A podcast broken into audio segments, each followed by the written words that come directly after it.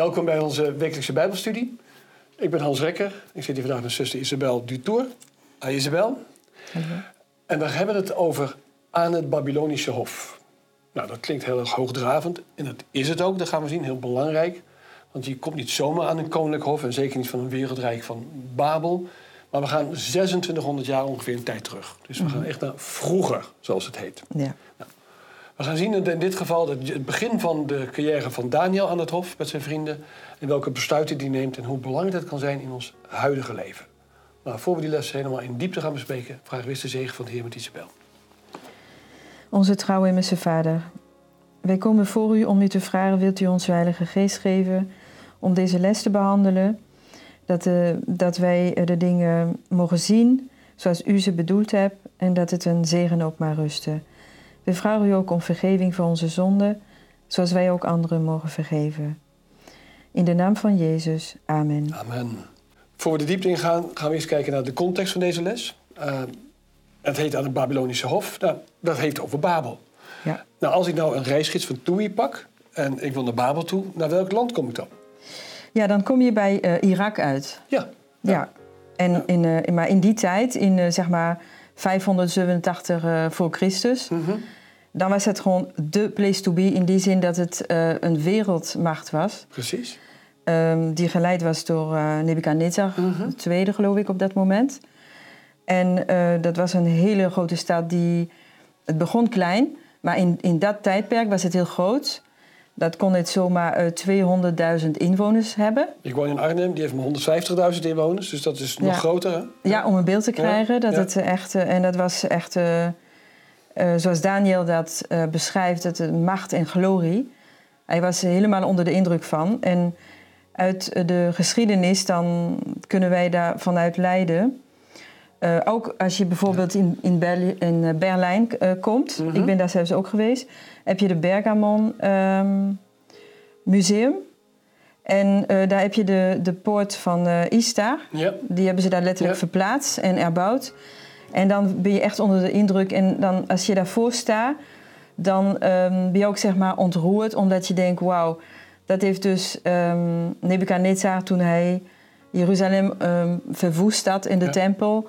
heeft hij dus met triomfant naar binnen gereden... Ja.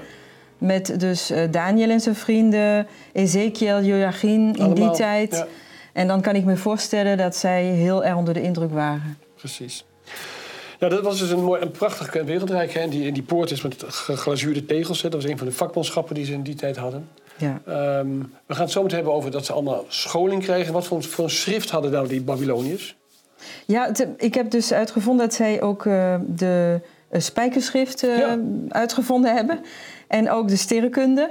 Juist. Dat hebben ze ook uitgevonden. Ja. We komen later terug bij de drie wijzen uit het oosten. Ja, die komen uit de overleving van Daniel, hebben dat geleerd. Die komen uit die streek ook weer. Die zien dan de Davidster, zoals ze het tegenwoordig noemen. Maar we weten dat het engelen waren. Mhm. Ja. Maar daar is de sterrenkunde ook uit voortgekomen. Ja. ja. En eh het Aramees natuurlijk, hè, dat was het Engels van nu. Ja. Ja, Nou, dus het was, het, was een, het was een ontwikkeld rijk. Ze waren dus goed in architectuur. Eh, ze waren goed in, in krijgskunst. Anders ben je niet zo sterk. nee. Eh, en, en in heel veel andere zaken. Dus dat het, het- Handel natuurlijk. ja, het was het wereldrijk van toen. Eh, Ja. Met alle respect voor het huidige, eh, het, eh, het- alle ellende wat we gezien hebben. Eh, ook het huidige Amerika, wat ook nog steeds een Ja. leidende land is in deze wereld, hè, op dit Ja. moment. Ja, het was bekend van eh, zeg maar Griekenland tot en met China. Die wisten over, eh, door de handels en eh, Ja. Ze wisten wat eh, het Rijk, de Babylonische Rijk, wisten ze daarvan. Ja, want even voor degenen die denken van ja, dat is allemaal wel groot. Maar in die tijd reizen ze anders. Kijk, van Jeruzalem naar Babel is al 1500 kilometer. En dat, dat moesten al die gevangenen lopen. Dus ze hebben maanden over gedaan. Dus dat, maar dat was ook de tocht die ze moesten maken. Dus het waren enorme afstanden en toch had hij het allemaal onder Ja. controle. Ja. Nou, dat is een beetje. Had je nog andere dingen erover? Of dit zo? Nee, ik denk dat dat... eh, Ja. ja. er zijn er zoveel meer. Ik raad iedereen aan om dat eh, in te verdiepen. Ja. Zodat je echt een beeld krijgt waar, waar was eh, Daniel omringd met. En waar was hij daar? Ja. Oké. In die tijd komt hij. En dan gaat het, de, de, de tekst erboven staat in 2 Kronieken 15 vers 2 is... De Heer is met u, zolang u met hem bent. Als u hem zoekt, zal hij u gevonden worden. Dat in 2 Kronieken 15 vers 2 is een mooie leertekst om te onthouden voor deze komende week ook om dat met elkaar te doen. Maar kan je dat mee vergelijken als je nou eh, iemand wil gaan zoeken. En dat je denkt van hoe zit het eigenlijk met hem? Dan ga je hem opzoeken. En hoe doe je dat met God? Ja. Je kan eh, door eh, zijn woord, hè? Ja? Dat, dan, dat is ook een manier hoe God tegenwoordig met de mensen spreekt, door zijn Mhm. woord. Maar je kan hem ook opzoeken in gebed. Precies. Het is interessant hè, dat je God als een vriend kan opzoeken. Hè? Zo moet je er naar kijken echt. Eh, Ja. En dan doet hij, is hij er altijd. Ja. Vrienden hebben soms even geen tijd. Dan zeggen ze, sorry, ik heb even geen tijd. Mhm. God heeft altijd tijd. ja. Ja, dat is interessant. We gaan nu zien dat eh, Daniel met zijn vrienden geselecteerd worden en getest. Mhm. Zo heet het eerste stukje gelijk. Want de Babylonische koning Nebuchadnezzar gaf een bevel aan Aspenas, het hoofd van zijn hovelingen. Nu gaan we het eerst even over, toch over wat de naam betekent, komen we zo meteen, over al die namen. Maar hovelingen is natuurlijk wat abstract wel. Hè? Eh, we hebben wat research gedaan. Wat gebeurde er nou met al die jonge mannen die eh, in dienst kwamen van de koning als hoveling? Ja, het- als je in de geschiedenis kijkt, maar dan weet je dat alle ge- gevangenen die dus daar, eh, zeker Daniel, die heel dichtbij kwamen in het, in het hoofd, Ja? dan werden ze zeg maar hunuk gemaakt. Ja. Dus voor degene die, Precies. voor degene die dat niet weten wat het inhoudt, Ja. dat houdt in dat ze dus eh, gecastreerd werden, ja. Ja, ja. Om uit angst voor eh, problemen en aan het hof, dat ze misschien toch wel Ja. intrigen en zo. Ja, er was natuurlijk een harem ook vaak en andere dingen. Dat, dat- dat, dat deel werd uitgeschakeld. Ja. En in andere vertalingen ziet u niet het, eh, het hoofd van de hovelingen, maar het hoofd van de eunigs. Dan, is het, dan snapt u direct dat welke andere vertaling u zou kunnen pakken. Mhm. Ehm, dan heeft u ook, dan denkt u, oké, het is een hele leuke, succesvolle jongen, maar dit moesten ze wel eerst ondergaan. Ja, Is, dat was eh, niet makkelijk voor ze. Kan Nee, dat betekent niet niet alleen dat het heel pijnlijk was, want verdovingen kennen deden ze niet aan in die tijd. Nee, Maar het was natuurlijk ook gewoon, dat betekende ook dat ze nooit een gezin konden hebben. Eh, dat was niet een, een keuze wat zij hebben gemaakt. Precies. Nee. Nou, dat, is- dat is het eerste impact, toch om dat goed te beseffen. Ehm, maar wat moest hij nou nog meer doen, deze Aspenas? Ja, hij moest hun eh, leiden, dus ehm, dat waarschijnlijk op bevel van. Mhm. Dus hij moest ze dan, ehm, zoals het hier staat, ehm, onderwijzen. Hè? Ja. Misschien hij zelfs niet, maar in ieder geval hij moest Mhm. zorgen dat ze onderwijs kregen. In de taal, de Ja. geschriften, de taal van de Galdeërs. En dat alles zou drie jaar duren. Ja. Ja. Maar hij moest ook zorgen voor hun welzijn. Precies. Dus hij werd echt door de koning verantwoordelijk gemaakt voor de ontwikkeling van deze geselecteerde groep. Ja, de elitegroep, Ja. zou je kunnen zeggen. Wat ik zo interessant vond in dit stukje ook, Isabel, is dat er staat ze waren zonder enig gebrek. Nee, Dat is mooi, hè? ja, Dat betekent dus ze hadden een gladde huid. ja, Blijkbaar geen last van jeugdpuist, zoals ik vroeger gehad heb. Maar blijkbaar zij niet. Hè? Dat Nee. het. Eh, en ja, ze zagen er echt waren knappe, mooie mannen. ja. Ehm, En ook op geestelijk gebied. en ook intellectueel. Ja. Precies. Het, het symbool over zonder enig gebrek komt u vaak in de Bijbel tegen. Eh, u ziet het ook, alle offerdieren moesten zonder enig gebrek zijn. Die mochten ook niet iets hebben. Mhm. Omdat het allemaal een symbool is van Jezus Christus.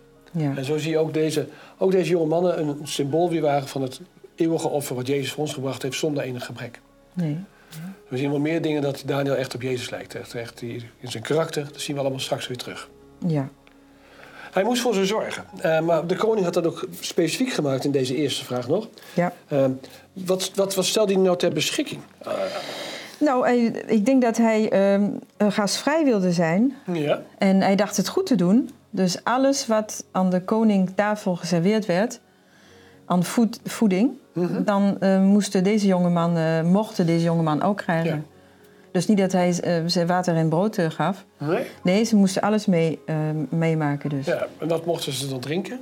Wijn. Geselecteerd door de koning. Hè? De cent Ja. en millions van de koning mochten ze. Die Ja. hadden die nog niet, hoor, maar Ja, Isabels van Zes De beste wijnen. De beste wijnen, ja, precies. Ja. ik denk dat zij natuurlijk het beste, Ja. het beste vlees waarschijnlijk. ja. En ehm, ja, dat is wat ze kregen als voedsel. ja. Oké, dat, dat klinkt allemaal best goed, toch? Hè? Ja, Ja. ze werden niet ondervoed of... eh, Nee. Nee. Nee. Er werd goed voor ze gezorgd op eerste gezicht. Wat staat er in de opmerking? Reeds bij de aanvang van hun loopbaan het tot een beslissende karaktertoets. Dan sla ik even een stukje over. Hierdoor meende de koning hen een bewijs te geven van zijn gunst en van zijn bezorgdheid voor hun welzijn. Ja. Dus we moeten even bedenken dat Nebuchadnezzar samen met Aspinas het beste voor had met deze jongelui. Los van Ja. de castratie even, maar dat was traditie bijna ook. Anders Ja. hadden ze ellende, hadden ze waarschijnlijk ellende mee gehad. was dit het beste wat ze wilden. Ja, dat was uiteindelijk uit eigen belang. Want Ja. hij had deze mensen nodig voor zijn koninkrijk. Ja. Ja. Dat koninkrijk was natuurlijk steeds heel groot. En had hij de beste mensen voor nodig. Ja. Tweede vraag. Wie had hij nou onder andere geselecteerd? Wie had hij onder Ja, andere In de geselecteerd? tweede vraag welke? Wie Nou, hij had ze dus eh, de, eh, geselecteerd. Daniel, de Judeërs dus, hè? Ja? Daniel, Anania, Misael en Azaja. Ja. Die had hij dus speciaal geselecteerd. Ja. Die waren in dat groepje van elite. En als wij eh, kijken wat de betekenis daarvan Mhm. eh, van de namen zijn, eh, staat het mooi in de opmerking. Daniel betekent God is mijn rechter. Anania een geschenk van God. Misael de sterke God. Mhm. En Azaria hulp des Herens. Precies. Dus je zou kunnen zeggen dat is gewoon een topteam als je zo de namen leest. Ja, dat vind ik wel Ja. mooi. Een topteam waar, Ja, waar God centraal staat. precies, waar God centraal staat. Precies. Ja. Zo zijn die namen aan de ouders gegeven. En als je die opmerking verder ziet, de ouders gaven die namen vaak in de hoop dat het karakter van deze jongelui ook zo zou, zich zou zo ontwikkelen. ja. Nou, dat, weten, dat, dat zien we zo meteen wel. Dat heeft zich ook zo ontwikkeld ook, in dit geval. ja. Ik ga naar één stukje uit de opmerking. Daar staat, omdat Nebukadnezar, de koning dus, in deze jongeren de belofte van opmerkelijke bekwaamheid ontdekte... Hé, dan zien we dus ook dat hij ze zelf geselecteerd had. Mhm. Het was niet Aspenas, maar Nebukadnezar had dus blijkbaar die selectie gedaan. ja. besloot hij dat ze zouden worden opgeleid voor belangrijke posities in zijn rijk. En drie jaar lang schonk hij hen een ongewone opvoedkundige voorrecht die alleen deel waren voor de vorsten uit zijn rijk. ja. Dus die kwamen echt in een eliteopleiding. ja. Dat is wat we hier zien. Je moet dus denken als gevangene. Eh, dan heb je dit voorrecht. In plaats van dat je in slavernij gevoerd wordt, dat je moet steentjes moet bikken, voor, Mhm. Ja. eh, of tegels moet bikken. Of Waarschijnlijk ook een deel van de Israëlieten die daar ook terecht zijn gekomen. ja, in dwangarbeid ook. Hè, Ja. Dat staat ook wel zo in. Kregen ze dit voorrecht. Ja. Ehm, we moeten even geen romantisch beeld hebben van Babel. Het was gewoon een, een, een, een vreselijk koninkrijk eigenlijk. Waar slavernij was, ja, heel erg uh, waar willekeur, afgoden, ja. willekeur. Heel veel slaven. Ja, dat was, was allemaal niet zo fraai. Nee. En als je dan dit aangeboden kreeg, Ja. was je bevoorrecht. Ja. Denk je, God zegent ze rijkelijk. Maar wat doen deze jongelui? Nu gaan we naar de derde vraag. Ze nemen een besluit. Ja. Oh nee, oh sorry, ik ga weer veel te hard. Het besluit komt zo meteen nog. Ehm, eerst gaan we naar die kamerling, die gaat ze omdopen. ja. Allemaal met een bepaalde reden, daar komen we zo meteen wel achter. Welke namen gaf nou die Aspenas aan deze jongelui? Ja, dus hij begon daarmee inderdaad om zijn. Oké, dat zijn Joodse namen. Mhm. Maar hij dacht, of hij dacht... En waarschijnlijk heeft hij de opdracht gegeven om ze ehm, andere namen te geven. En de, de nieuwe namen waren dus voor Daniel Besatzar... Ja. voor Anania Sadrach... voor Misael Mesach en voor Azaja Abednego. ja. Ja, Nu is het interessante, waar wijzen al deze Babylonische namen nou op? ja ook op goden. Ja, Ja, afgoden dan, hè? ja precies, afgoden. En we gaan ze niet allemaal opnoemen, want waarom zou je afgoden zoveel eer geven? Dat doen we dus allemaal niet. Nee, Maar u kunt ze scheiden in eh, de zon en de maan. klopt. Dus daar wezen ze naartoe. Ze wezen of naar de zon of naar de maan. Dat waren dus de goden die ook aanbeden werden. In zoveel nationaliteiten toen, maar nog steeds trouwens. Heel veel afgoden hebben ze. Precies. Voor, ieders, voor ieder wat. Ja, Zoals de bord van hier staat, dat was de godes van de liefde en de oorlog. precies. En gaat zo maar door. Ja. Ja. Dus in, ten opzichte van de namen die hun ouders gekregen hadden, kregen ze nu afgodische namen. Ze hebben zich daar niet tegen verzet. Dat is interessant. Ja, Want ze anders hadden we dat gelezen. Die hebben ze gewoon geaccepteerd. Ja, Want wat is een naam? Zeg je dan maar. What's in a name? ja. Overigens, voor degenen die denken, wat betekent nou aspenas? Ik heb het opgezocht, dat vond ik zo leuk. Ehm aspenas betekent paardenneus. Ja, dat betekent dus, ik weet niet echt, ik, wij doen bewust zo, want dat is natuurlijk een paard. Dus hij heeft waarschijnlijk een hele grote neus gehad. Het betekent ook wel anders toegewijde tovenaar, maar ik vond paardenneus mooier. ja. Dus waarschijnlijk een hele grote neus had hij wel gehad. Ja. Nou, nou, nou. Zo zie je maar namen. Dat is op zich wel mooi. Ehm, in de opmerking zie je ook heel erg interessant de tactiek van Nebukadnezar. Ja. Eh, wat, wat dwong die niet te- tegen deze Joden? Wat, wat mo- mochten ze gewoon blijven doen? ja, je ziet hier niet dat het, eh, het geloof van de Galdeërs opgelegd werd. Nee. Dat zie je niet. Maar je ziet dat het toch subtiel in één richting geduwd Ja. werd. En inderdaad, zoals het staat onderaan de opmerking... Ja? door een naam te geven die duidde op afgoderij, door hen dagelijks in aanraking te brengen met afgodische gebruiken en onder de invloed van verleidelijke vormen van eindense aanbidding, hoopte hij hen te verleiden de godsdienst van hun volk prijs te geven en de eredienst der Babyloniër aan te nemen. Precies. De hele subtiele verleiding. Het is een beetje de verleiding zoals eh, Eva in het paradijs kreeg. hè. Als je die vrucht eet, dan word je net als God. Dus de verleiding echt. In plaats Ja. van dwang. Ja. We weten, dwang werkt niet. De Nee. verleiding werkt wel. Ja. Daar is de duivel heel erg goed in. De verleiding werkt altijd. Ja, en heel subtiel en inderdaad dagelijks herhaling van. Daarom is het ook heel belangrijk dat voor ons ook vandaag dat wij ons bewust zijn in wat voor milieu begeef ik mij, wat lees ik, wat kijk ik, wat eet ik. Alles is belangrijk. Ja, de subtiliteiten dringen anders in je leven door en brengen je geleidelijk wel. Ja. Zoals Nebuchadnezzar dacht, nou, die in die drie jaar krijg ik ze wel op. Ja. We weten uit ervaring dat het niet zo gelukt is. Maar we gaan Nee. kijken wat, hoe dat dan kan dat ze dat weerstaan hebben. We gaan naar de vierde vraag toe. En dat gaat iets over Daniel. En ik zeg er gelijk bij over zijn drie vrienden ook. Hè, Want het was, ze namen met z'n vieren dat besluit. Ja. Maar ze praten er niet over. Wat nam hij zich in zijn hart voor? Ja, hij had plechtig dus in zijn hart voorgenomen. En als je dat doet in je hart, dat is niet zeg maar zoals wij hier gebruiken, gebruikelijk is in Nederland. Dat je zegt, oké, goede voornemens voor het jaar. Ja, dat, dat klinkt wel mooi, maar dat in je hart voornemen, dat gaat dieper. En dan praat je waarschijnlijk daar niet over. En wat had hij zich voorgenomen? ja, Daniel nu nam zich in zijn hart voor zich niet te besmetten met de gerechten van de koning of met de wijn die hij dronk. precies. Dat was zijn voornemen. Ja. Ja. En dan zeg je, ja, maar waarom neemt hij dat besluit nou? Waarom doet hij dat nou? Opmerking zegt het heel mooi. Zelfs het doen alsof ze het voedsel zouden gebruiken... zou een verloochening van hun geloof betekenen. ja. Dit te doen zou betekenen dat ze zich gelijk stelden met de heidenen... waardoor ze de beginselen van Gods wet zouden onteren. ja. We hebben erover gesproken en dat betekent dat ze ook niet stiekem met eten onder tafel wegsmokkelden. Nee. Of dan op hun kamer maar gingen zitten eten anders. Nee, ze waren er heel transparant over. Ja. Ja, inderdaad. En oh, eh, omdat het eh, een deel van het eten, dat werd gewoon aan de afgoden Ja. gegeven. Ja, En dat be- zou betekenen dus dat jij daar ook mee eens bent. ja. Ja. Dus Kijk- heel principieel. Dat is heel principieel. En voor degenen die denken, ja, hoe komt het nou die wijsheid? Zo zijn ze opgevoed. Hè? Dan gaan we zo de opmerking nog een paar dingen lezen. En Daniel denkt dan in dit geval aan de twee zonen van, van Aaron, aan Nadab en Abihu. In Leviticus 10 kunt u het erover lezen. eh, die dan eh, dronken gaan de priesterdienst gaan doen. Ja. En de, de noodlot sterft, want ze sterven door het vuur wat God uit de hemel stuurt. En eh, dat is het einde van deze twee zonen. En Aaron mocht er niet eens over rouwen. Nee. Zo dramatisch was dat. Dus dat beeld, ze, dat gebeurt ons niet. Nee. We zijn niet opgevoed op die manier en dat gaan we niet doen ook. Nee. Want het is niet goed voor ons hoofd en voor ons lichaam. Ja. Ja. En wat zien we, dat- wat zien we echt eh, heel mooi? In het laatste stukje van Daniel 1, vers 9. God gaf Daniel genade en barmhartigheid bij de hoofd van de hovelingen. Mhm. Dus wat was als eerste nodig? Zelf een besluit. ja, En dan kan God pas wat doen. precies. Op het moment dat je in je hart besluit om eh, te doen wat er dan ook gebeurt, Gods wil, Ja, dan eh, is God met je. En hij Ja. doet alles aan om jou te laten succes, zeg maar dat je succes krijgt. ja precies. Zoals Jozef. Ik denk aan Jozef, die heeft het zich Ja. ook voorgenomen toen hij gevangen genomen werd. En de karavaan die leidde hem Ja. tot ehm, Egypte, had hij zich in zijn hart voorgenomen om God trouw te blijven. Precies. En u zult merken, als u het in uw eigen leven doet, je neemt je iets voor, dat God de paden zal effenen. Ja, Het zal niet zonder weerstand gaan.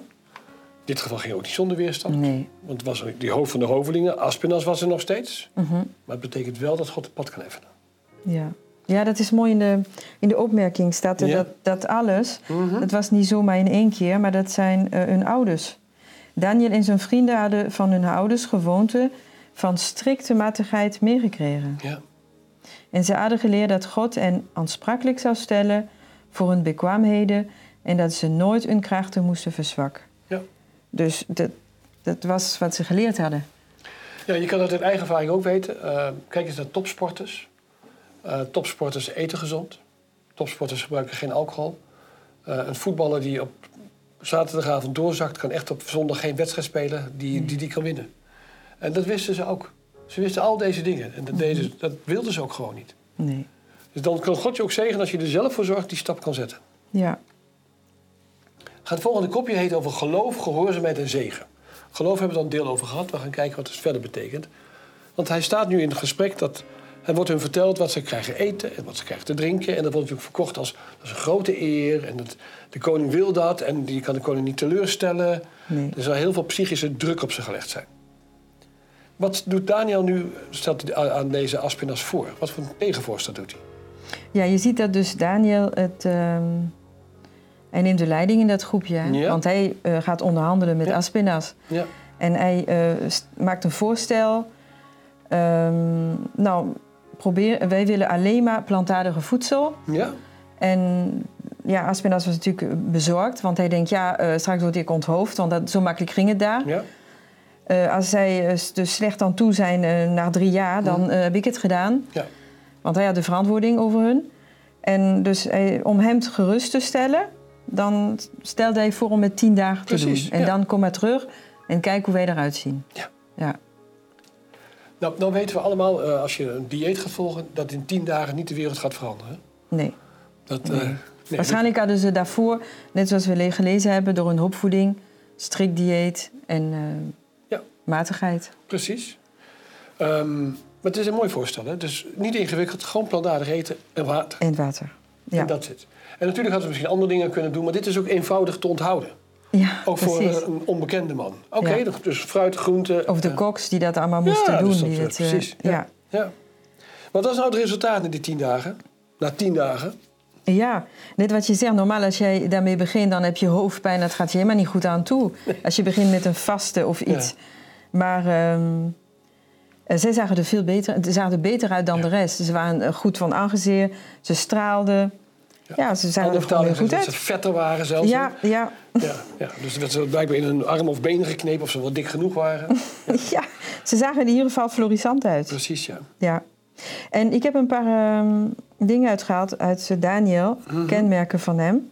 Maar je kan er hier uithalen uit de Ja. opmerking dat hij vriendelijk was. Ja, Hij was behulpzaam, Ja. eerbiedig, bescheiden en nederig.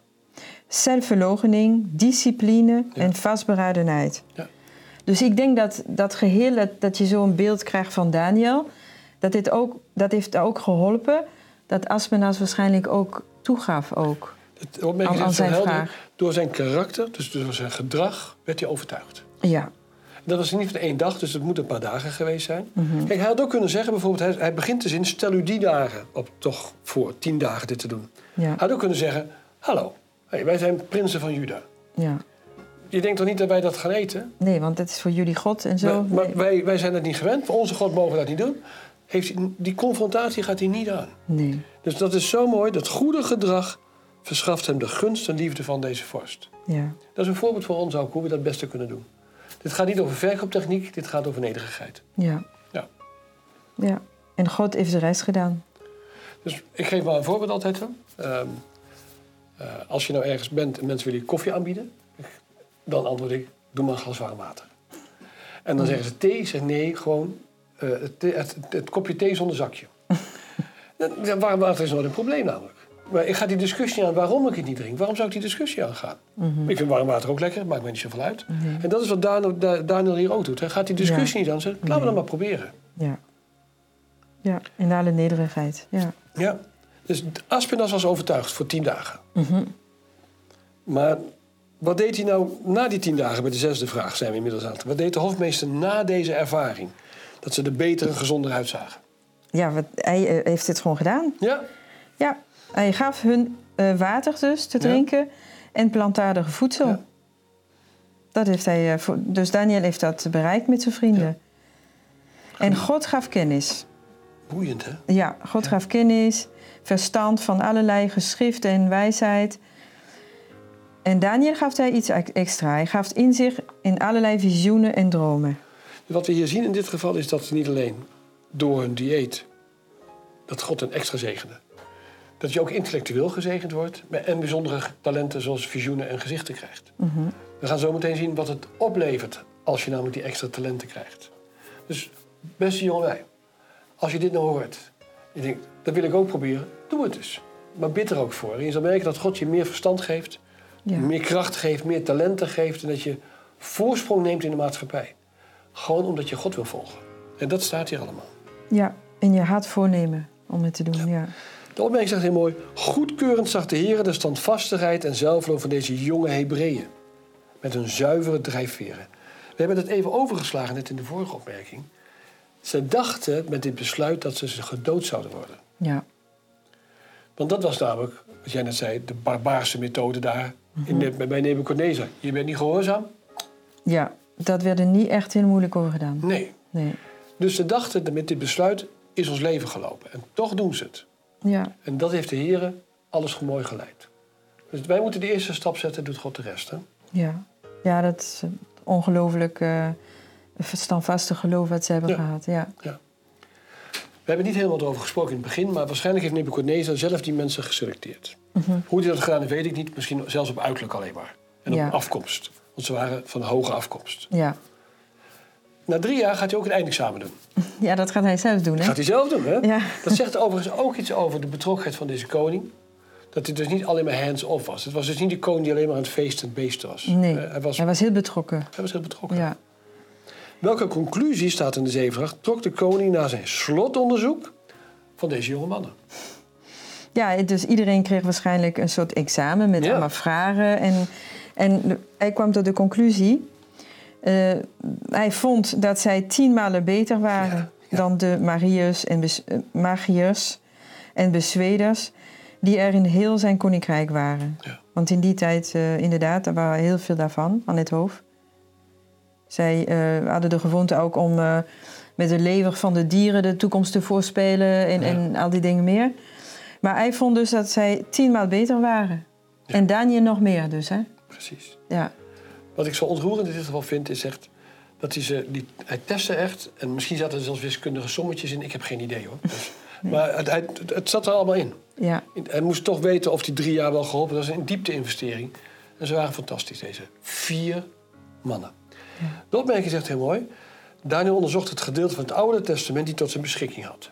Dus hij gebruikte alles wat hij had. Tegenwoordig hebben we de volledige Bijbel. En maakte het woord van God zijn hoogste instructeur. Dus hij las er iedere dag uit. Tegelijkertijd, en dat is belangrijk ook voor iedereen, nam hij de kansen waar die hem werden gegeven om intelligent te worden op alle leergebieden. En zijn metgezel deed hetzelfde. Dus als je de kans krijgt een universitaire opleiding te doen, dan staat nergens in de Bijbel dat je het niet moet doen. Doe Nee. het. Of een HBO-opleiding of een vak. ja. Als je de kans krijgt, neem die kans. Dat, laat niet Ontwikkelt jezelf, maar ja. dat betekent niet dat je de Bijbel moet loslaten. Nee, die doe je ook. Dus daarmee zal God je met alle dingen kunnen zegenen. Ja. En dat is het mooie wat hier staat. Ja, klopt. En alles, ehm, er staat hier dat wij kunnen pleiten dat de Heilige Geest eh, ons de begrip mag Ja. geven. Dat hij ons helpt om alles Ja. te, te begrijpen, de inzicht, alles kunnen we vragen aan, aan God. Ja. En dat geeft hij. We zijn aan het einde van deze les aan het Babylonische Hof. We, wij hebben er allebei waren onder de indruk toen we er wat diepere studie van gingen maken. Maar het is de kans die je- we allemaal krijgen. Om op de plek waar we zijn een zegen te zijn. Je hoeft niet speciaal aan het hof te zijn. Iedereen heeft een relatiekring om zich heen. Het kan een werkkring zijn, een familiekring, een vriendenkring, een schoolkring. Daarmee ben je het onderscheid in je eigen keuzes. En als je dat uitlegt en alternatieven biedt, zal je respect afdwingen. En de Heere zal je zegenen. Ik wens u daarom het geloof toe van Daniel. En de moed die erin zit om zo getuige te zijn van onze lieve Heer.